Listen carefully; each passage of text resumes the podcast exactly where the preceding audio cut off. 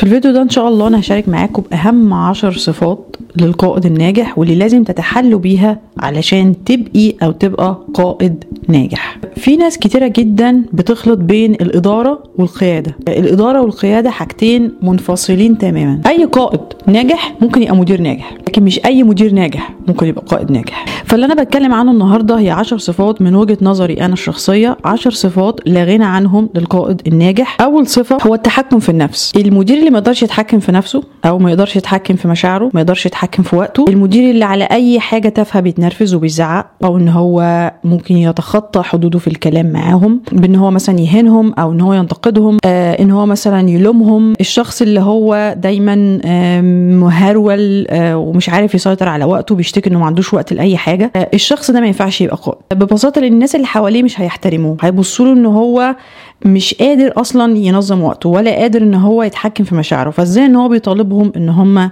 يعملوا ده. إزاي الشخص ده يقدر يتحكم في مشاعره؟ لو ده عيب في شخصيته إن هو يبتدي يبقى عنده حاجة اسمها self awareness أو إن هو يراقب نفسه.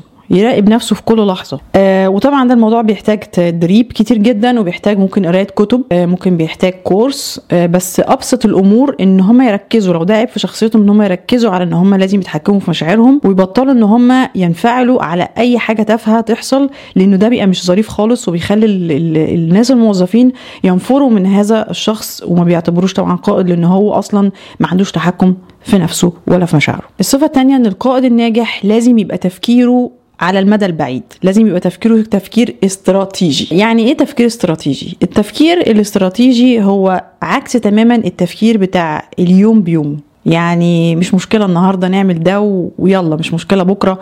آه ربنا يحلها ان شاء الله. مثلا يجي واحد مثلا يقول له حضرتك إحنا عندنا مشكلة مثلا في المواسير أو عندنا مشكلة مثلا في ال stock آه مش هيبقى عندنا stock كمان أسبوع مثلا وممكن الزباين يجوا يعملوا order فما يلاقوش. طب حضرتك نعمل إيه؟ لا مش مشكلة مشكلة بس خلينا في النهارده. ده ما ينفعش يبقى قائد لأنه الناس بتجيله بمشاكل وهو بيفكر في النهارده بس ما بيفكرش في قدام. زي إن القائد الناجح هو اللي بيخطط للمستقبل قبل ما المشكلة أصلا تحصل. يعني دايما بيبقى عنده خطة كاملة إحنا هنحتاج إيه على المدى الطويل؟ هنحتاج مثلا staff محتاجين مين يكون شغال معانا في الأماكن المحددة دي؟ لأن كل شخص فيهم بيقوم بمهمة مختلفة. محتاجين يبقى عندنا مثلا stock أو يبقى عندنا يعني خزين من حاجات معينة لأي مدى عشان خاطر لما يجي لنا order ات ما نقعش ونلاقي نفسنا بنرد على ال customers بنقول لهم لا sorry الموضوع ده خارج ال stock آسفين هنتأخر عليكم. فنخسر business وفي نفس الوقت برضو نخسر احترام الآخرين لينا لأن بنحس إن إحنا كمديرين أو كقائدين في هذا المشروع. المشروع إحنا اللي موقعين المشروع أصلا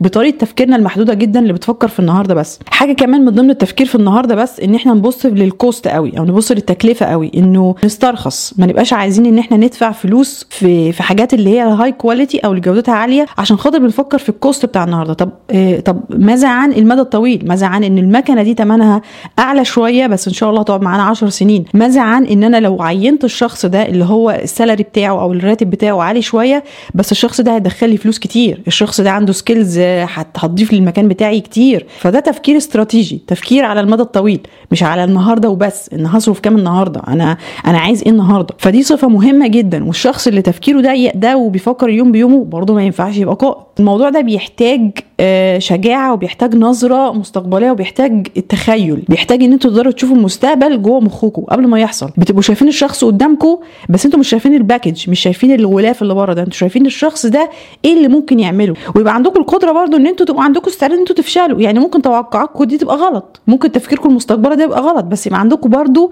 الاستعداد لتقبل مسؤولية تفكيركم الاستراتيجي على المدى الطويل. بس صدقوني على المدى الطويل التفكير الاستراتيجي ال rewards بتاعته أو ال ال الإيجابيات بتاعته أكتر بكتير من السلبيات. لأنها بتخليكم دايما تشتغلوا على سنين جاية مش على بس النهارده وبس. الصفه رقم ثلاثة وهي إن القائد الناجح هو إنسان عنده قدرة على التواصل وعنده مهارات تواصل قوية جدا جدا جدا. مهارات التواصل هي توصيل المعلومة عن طريق الكلام عنده القدرة إن هو يقف يتكلم قدام الناس. ما يخافش انه يقعد مع شخص لوحده ويتكلم معاه في موضوع معين. ما يتجنبش المحادثات اللي هي بتبقى فيها نوع من أنواع ال tension. ما, بي ما بيهربش من مواجهة المواقف. عنده القدرة على الاستماع أكتر ما بيتكلم. يعني لما يكون مثلا في اجتماع أو يكون مثلا قاعد مع موظف عنده مشكلة يسمع له كويس. لما يكون قاعد مع customer أو زبون يقدر يسمع لل guest ده أو للزبون ده كويس جدا عشان يفهم هو عايز إيه. ما يقعدش يقفز ويقعد يتكلم كلام كتير جدا ويبقى عايز يستعرض بمعلوماته. القائد الناجح يقدر يتواصل عن طريق التليفون يقدر يتواصل عن طريق الإيميل يقدر يتواصل face to face يقدر يتواصل بأي طريقة ايا كانت. المهم إن هو عنده قدرة على التواصل وما بيخافش من الناس وبيقدر إن هو يواجههم ويتكلم معاهم عادي جدا. في كتب تتعلموا منها. ممكن إن أنا أتكلم عن الموضوع ده آه يعني بالتفصيل أكتر لو أنتوا عاوزين قولوا في التعليقات. مفيش حد اتولد confident كده. مفيش حد اتولد بيقدر يتكلم قدام ألف وألفين ومليون بني آدم. الموضوع بيحتاج تدريب. في الأول الموضوع بيبقى مخيف جدا. بس أول ما الإنسان بياخد خطوات وبيبتدي إن هو مرة واثنين وثلاثة يتكلم قدام الناس ويعمل presentations ويجيله feedback على ال presentations اللي عملها دي بيبتدي يتعلم من أخطائه دي ويحسن من نفسه. لكن طول ما أنتوا قاعدين في الصفوف الخلفية وخايفين إن أنتوا تتكلموا مفيش أي تقدم هيحصل في حياتكم ومش هتنفع تبقى قائد وأنت بتخاف تتكلم قدام الناس أو تتواصل مع الناس أو بتتجنبهم الصفة رقم أربعة للقائد الناجح وهي إن هم يتحملوا مسؤولية أفعالهم. آه ما ينفعش أبدا تبقى قائد ناجح أو تبقي قائدة ناجحة لو أنت ما بتتحمليش مسؤولية اختياراتك وأفعالك. لو كل مشكلة بتحصل تحاولوا إن أنتوا تلزقوها في أي حد و... وتوجهوا أصابع الاتهام نحو أي حد عشان ياخد مسؤولية الحاجة اللي أنتوا السبب فيها. محدش هيحترمكم محدش هيمشي وراكم محدش هيشوفكم إن أنتوا قادة. لازم دايما لما تاخدوا أي قرار وتعملوا أي حاجة يبقى عندكم تحمل المسؤولية. حتى لما غيركم يغلط أنتوا اللي تتحملوا المسؤولية. لأنك انت القائد انت القائد انت اللي موجود في المكان ده وانت اللي بتديري المكان ده وانت انت راس المثلث. انت التوب. لازم انت اللي تكون مسؤول مش حد تاني. نفترض إنه مثلا حد من الاستاف أو حد من الناس اللي شغالين معانا عملوا غلطة غلطوا في حاجة معينة. بس غلطة مش يعني مش مش غلطة نتيجة مثلا التعمد أو الإهمال. غلطة نتيجة إن هم ما كانوش متدربين كويس. أو ما كانوش عندهم التولز أو الأدوات اللي تساعدهم إن هم يأدوا وظيفتهم على أكمل وجه. في الحالة دي مش غلطتهم. في الحالة دي غلطتنا إحنا. غلطتنا إحنا إن إحنا ما اديناهمش الوقت الكافي ما دربناهمش ما اديناهمش الأدوات. ما ينفعش إن إحنا نلومهم إن أنتوا ليه أنتوا ما عملتوش الحاجة الفلانية رغم إن هم أصلا ما عندهمش فكره أساسا إيه التوقعات اللي هم المفروض أصلا يحققوها. فأي حاجة بتحصل في المكان اللي إحنا بنديره سواء المكان ده وظيفة أو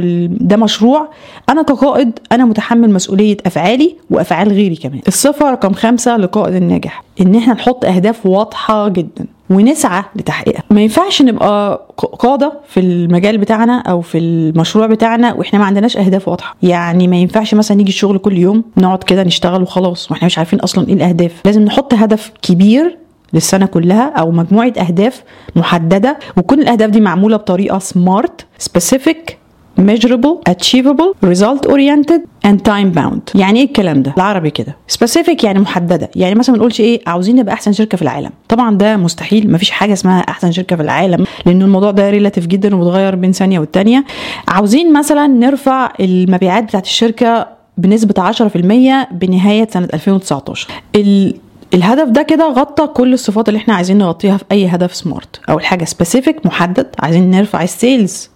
مش أي حاجة تانية بنسبة 10% في نهاية 2019 يعني محددة بوقت هل هي achievable أو ممكن تحقيقها؟ أكيد 10% مش 100% يعني مثلا ليه مش 20% ليه مش 30% 10% هدف ممكن إن إحنا نحققه. result oriented يعني مرتبطة بالنتائج. أيوه مرتبطة بالنتائج. يعني حاجة هنقدر إن إحنا نقيسها. يعني 10% دي بسيطة. عملنا 100000 لو 10% هيبقى 10000 يبقى 110 ال sales بتاعتنا تبقى في نهاية 2019 أحيانا بنحط أهداف وبيكون تحقيقها صعب جدا. بس إحنا بنبقى عارفين من جوانا إن إحنا ممكن نحققها. بس مثلا المسألة مسألة وقت. القائد الناجح هنا ما بيبقاش عنده موضوع الاستسلام أو السلبية إن هو بقى يستسلم للاكتئاب ويجي بقى مربي دقنه أو واحدة مثلا تيجي الشغل قلبة وشها ومخنوقة. وتقعد تنفخ في وش الناس وتحسسهم إن العملية مكتئبة جدا الموضوع ده هيكئب كل الناس اللي شغالين معاكم وهيحسسهم بالإحباط وإن مفيش استحالة هن- هنحقق الهدف بس لما تيجوا أنتوا من جواكم فعلا متفائلين بس مش التفاؤل اللي هو السطحي التفاؤل اللي هو الإيمان الداخلي إنه إن شاء الله هنعمل حاجات معينة وهن... وهنحقق الهدف بتاعنا عن طريق الحاجات دي وتشتغلوا مع ال team بتاعكم وتديهم تحفيز وتديهم طاقة بس مش طاقة fake مش طاقة مزيفة لا ادوهم كلمات فعلا ليها علاقة باللي بيعملوه. يعني مثلا لو عندكم موظف قوي آه، اذكروا هو عمل إيه امبارح كويس وسقفوا له مثلا في ال meeting بتاعكم واذكروا الحاجات الحلوة اللي غيركم بيعملها. في ناس على فكرة ممكن تبقى شغالين في المكان عندكم ما بيعملوش آه، مبيعات بس الحاجات اللي بيعملوها مهمة جدا في ال في, ال في bottom line أو مهمة جدا في النتائج النهائية زي مثلا عمال النظافة مثلا. الناس دي بتتعب جدا جدا. آه كمجهود بدني بس للأسف ما بيحققوش مبيعات. أحيانا كتير جدا في ناس بتنساهم وفي ناس ما بتديهمش كلمة شكرا. الناس اللي بتصلح مثلا عندكم لو ناس مثلا بتش- بتشتغل في الصيانة وممكن أنسى positions كتيرة جدا اللي ما بتبقاش في المكاتب الأمامية أو ما بتبقاش في ال positionات ال- الأمامية بيتنسوا على أساس إن هم ما بيعملوش مبيعات. بس الناس دي على فكرة لولاها فعلا ما كناش هنقدر نحقق لا سيرفيس كويسة ولا نقدر نعمل مبيعات كويسة ولا كان في حد هيبقى مرتاح في المكان. فلازم برضو نشكرهم ولازم نعرفهم إن هم ليهم قيمة كبيرة جدا بالنسبة للفريق العمل بتاعنا كله. آه، الصفه رقم ستة في القائد الناجح هي إن إحنا أنت كقائد أو أنت كقائدة لازم يبقى عندك رؤية واضحة جدا للمستقبل. رؤية ليكي أنت أو ليك أنت كقائد. أنت هتكون فين بعد عشر سنين من دلوقتي؟ هتكون بتعمل إيه؟ هيكون شركتك دي أو مشروعك ده فين؟ بيعمل إيه بالظبط؟ لازم يبقى فيه رؤية أنتوا ليكوا أنتوا بتحركوا؟ بتدفعكوا كل يوم ان أنتوا تقوموا من النوم بدل ما تناموا. آه ان أنتوا تنجزوا الشغل قبل الميعاد انكم أنتوا ت- تشتغلوا أكتر من اي حد تاني لأنه في حاجة بتحرككم ال vision دي عشان تبقى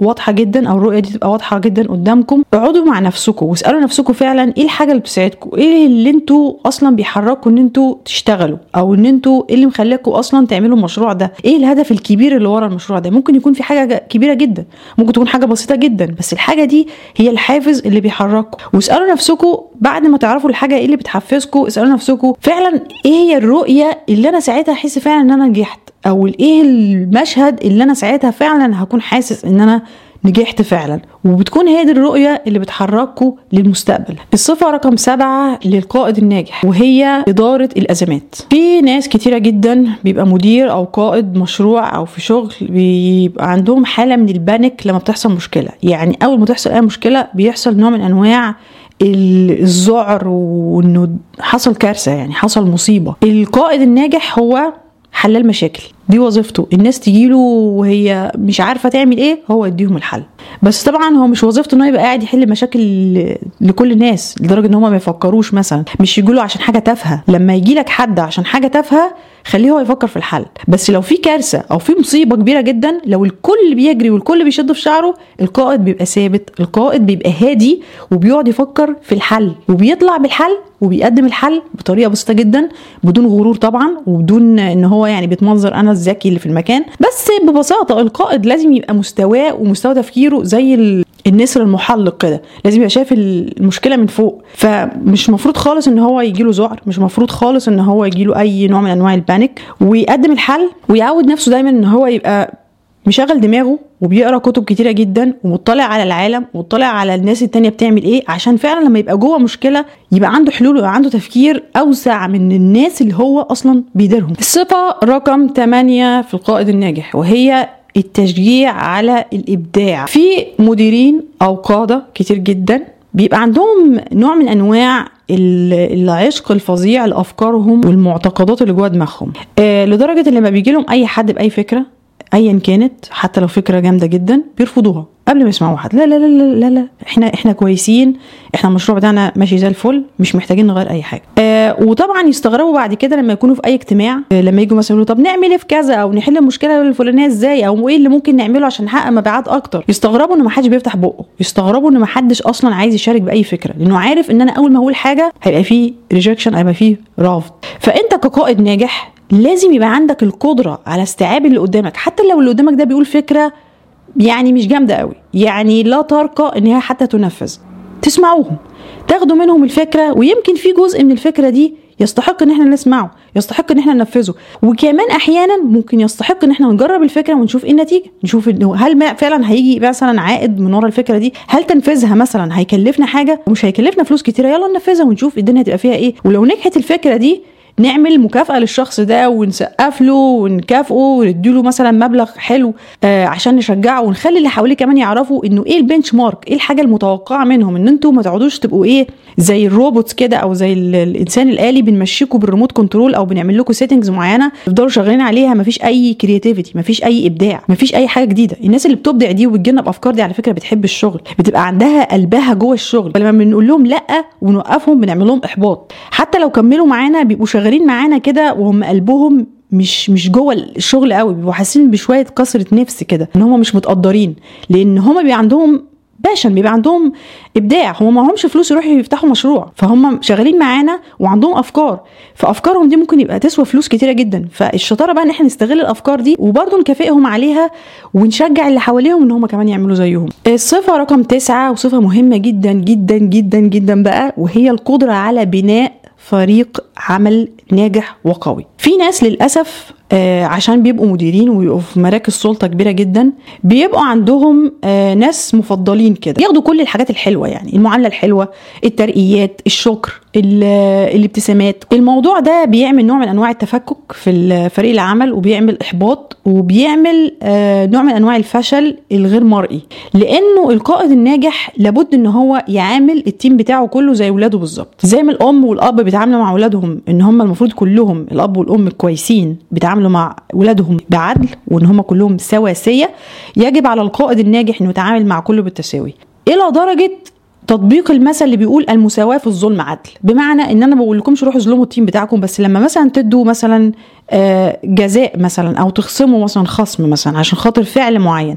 ما تجيش مثلا تخصمه من الشخص الفلاني بس يجي شخص تاني يعمل نفس الفعل ما يتخصمش منه. ما ينفعش. ما ينفعش مثلا إن في شخص معين يبقى دايما تعاملنا معاه مش كويس بغض النظر الشخص ده كويس already في شغله. في حين إحنا بنتعامل مع شخص تاني بطريقة حلوة قوي طول الوقت. ال strategies بتاعت فرق تسد أو إن أنا أسمع لناس وما أسمعش لناس أفضل ناس على ناس دي استراتيجية هدم فريق العمل. عشان نبني فريق عمل لازم إن إحنا نحفزهم إن هم يشتغلوا مع بعض. إزاي؟ إن إحنا لما نبقى موجودين في اجتماع مثلا نشجع الفريق إن هو يسمع لبعضه نشجع الفريق إن هو يحترم بعضه إنه ما ينفعش حد مثلا يتعدى حدوده على الشخص التاني في وجود القائد والقائد لو موجود وحد عمل كده لازم يوقفه عند حده بالأدب برضه. ما ينفعش إن أنا يجي لي حد يشتكي على حد وما أسمعش للطرف التاني وآخد قرار كده من دماغي لازم انده للشخص التاني وأقعدهم مع بعض وأخليهم يسمعوا لبعض وأحل المشكلة وأخليهم يقوموا يسلموا على بعض ويطلعوا كل الأمور دي صافية. زائد ده إن أنا أعمل بقى activities بره جو العمل. يعني خدهم مثلا نتعشى كلنا مع بعض بره ناكل بره حتى أجيب أكل مكان الشغل وناكل أقعد معاهم وأقعد أكل معاهم مجرد بس لبناء العلاقات الإنسانية الإيجابية. وطبعا عشان ناخد الموضوع ده للل level اللي اعلى من كده ال games أو الألعاب.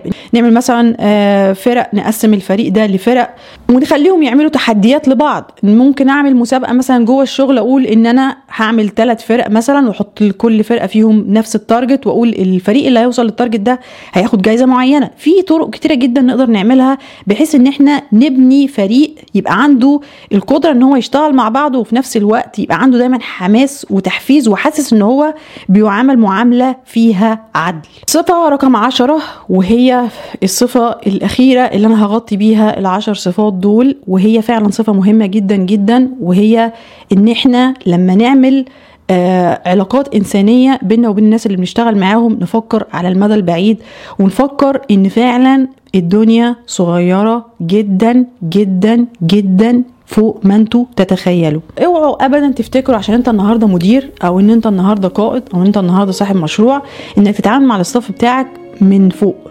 ما ينفعش. كمان آه اتعاملوا مع ال staff كبشر. ليهم مثلا صفات معينة ما, ما نطلبش منهم إن هم يبقوا فجأة ملايكة وما لهمش أي طلبات أو إن هم يبقوا perfect يعني كل حاجة فيهم تمام التمام. لازم إن إحنا نتعامل مع كل بني آدم على حسب عقليته على حسب مستواه الفكري على حسب هو جاي من أي background أو الشخص ده اتربى فين الشخص ده كانت إمكانياته عاملة إزاي الشخص ده مثلا دارس إيه الشخص ده طموحاته إيه الشخص ده بيحب يشتغل إزاي إيه الحاجة اللي بتحفزه. لو قدرنا إن إحنا نتعامل مع البشر بالطريقة بالطريقة دي مش طريقة إنه size واحد لكل الناس هننجح في حياتنا لأن الشخص ده هيفتكرنا هيفتكرك أو يفتكرك لما كنتوا بتتعاملوا معاه من منطلق إنساني إن أنتوا بتسمعوا لهم من قلبكم إن أنتوا عملتوا حاجة زيادة عشان خاطر تساعدوهم. آه ولما تعملوا كده مع كل حد في ال team عندكم كل ال team ده هيبقى بيحبكم وبيحترمكم لأن الدنيا فعلا صغيرة واصلا الحياة قصيرة. مش مستاهلة إن إحنا كبشر برضو نيجي على الناس اللي بتشتغل معانا عشان خاطر إحنا فوق لأ بالعكس التواضع وإن الإنسان يبقى بيفكر في بكرة بيفكر إن الدنيا صغيرة وإن الحياة قصيره بتخليه قائد ناجح جدا ومحبوب. ايا كان راح فين الناس دايما بتبقى سيرتها عنه إيجابية جدا وبيذكروه بالخير وبمنتهى الاحترام. دي كانت أهم عشر صفات من وجهة نظري في القائد الناجح. لو لسه عندكم أسئلة تقدروا تكتبوها لي في التعليقات. طبعا وان شاء الله هجاوب عليها يا إما في التعليقات يا إما بفيديو أتمنى يا رب الفيديو يكون عجبكم. وطبعا لو عجبكم يا ريت تعملوا لايك. ولو مش عايزين يفوتكم الفيديوهات بتاعة المستقبل تقدروا تعملوا اشتراك وتفعلوا الجرس عشان يجيلكم إشعار أول ما أنزل أي فيديو.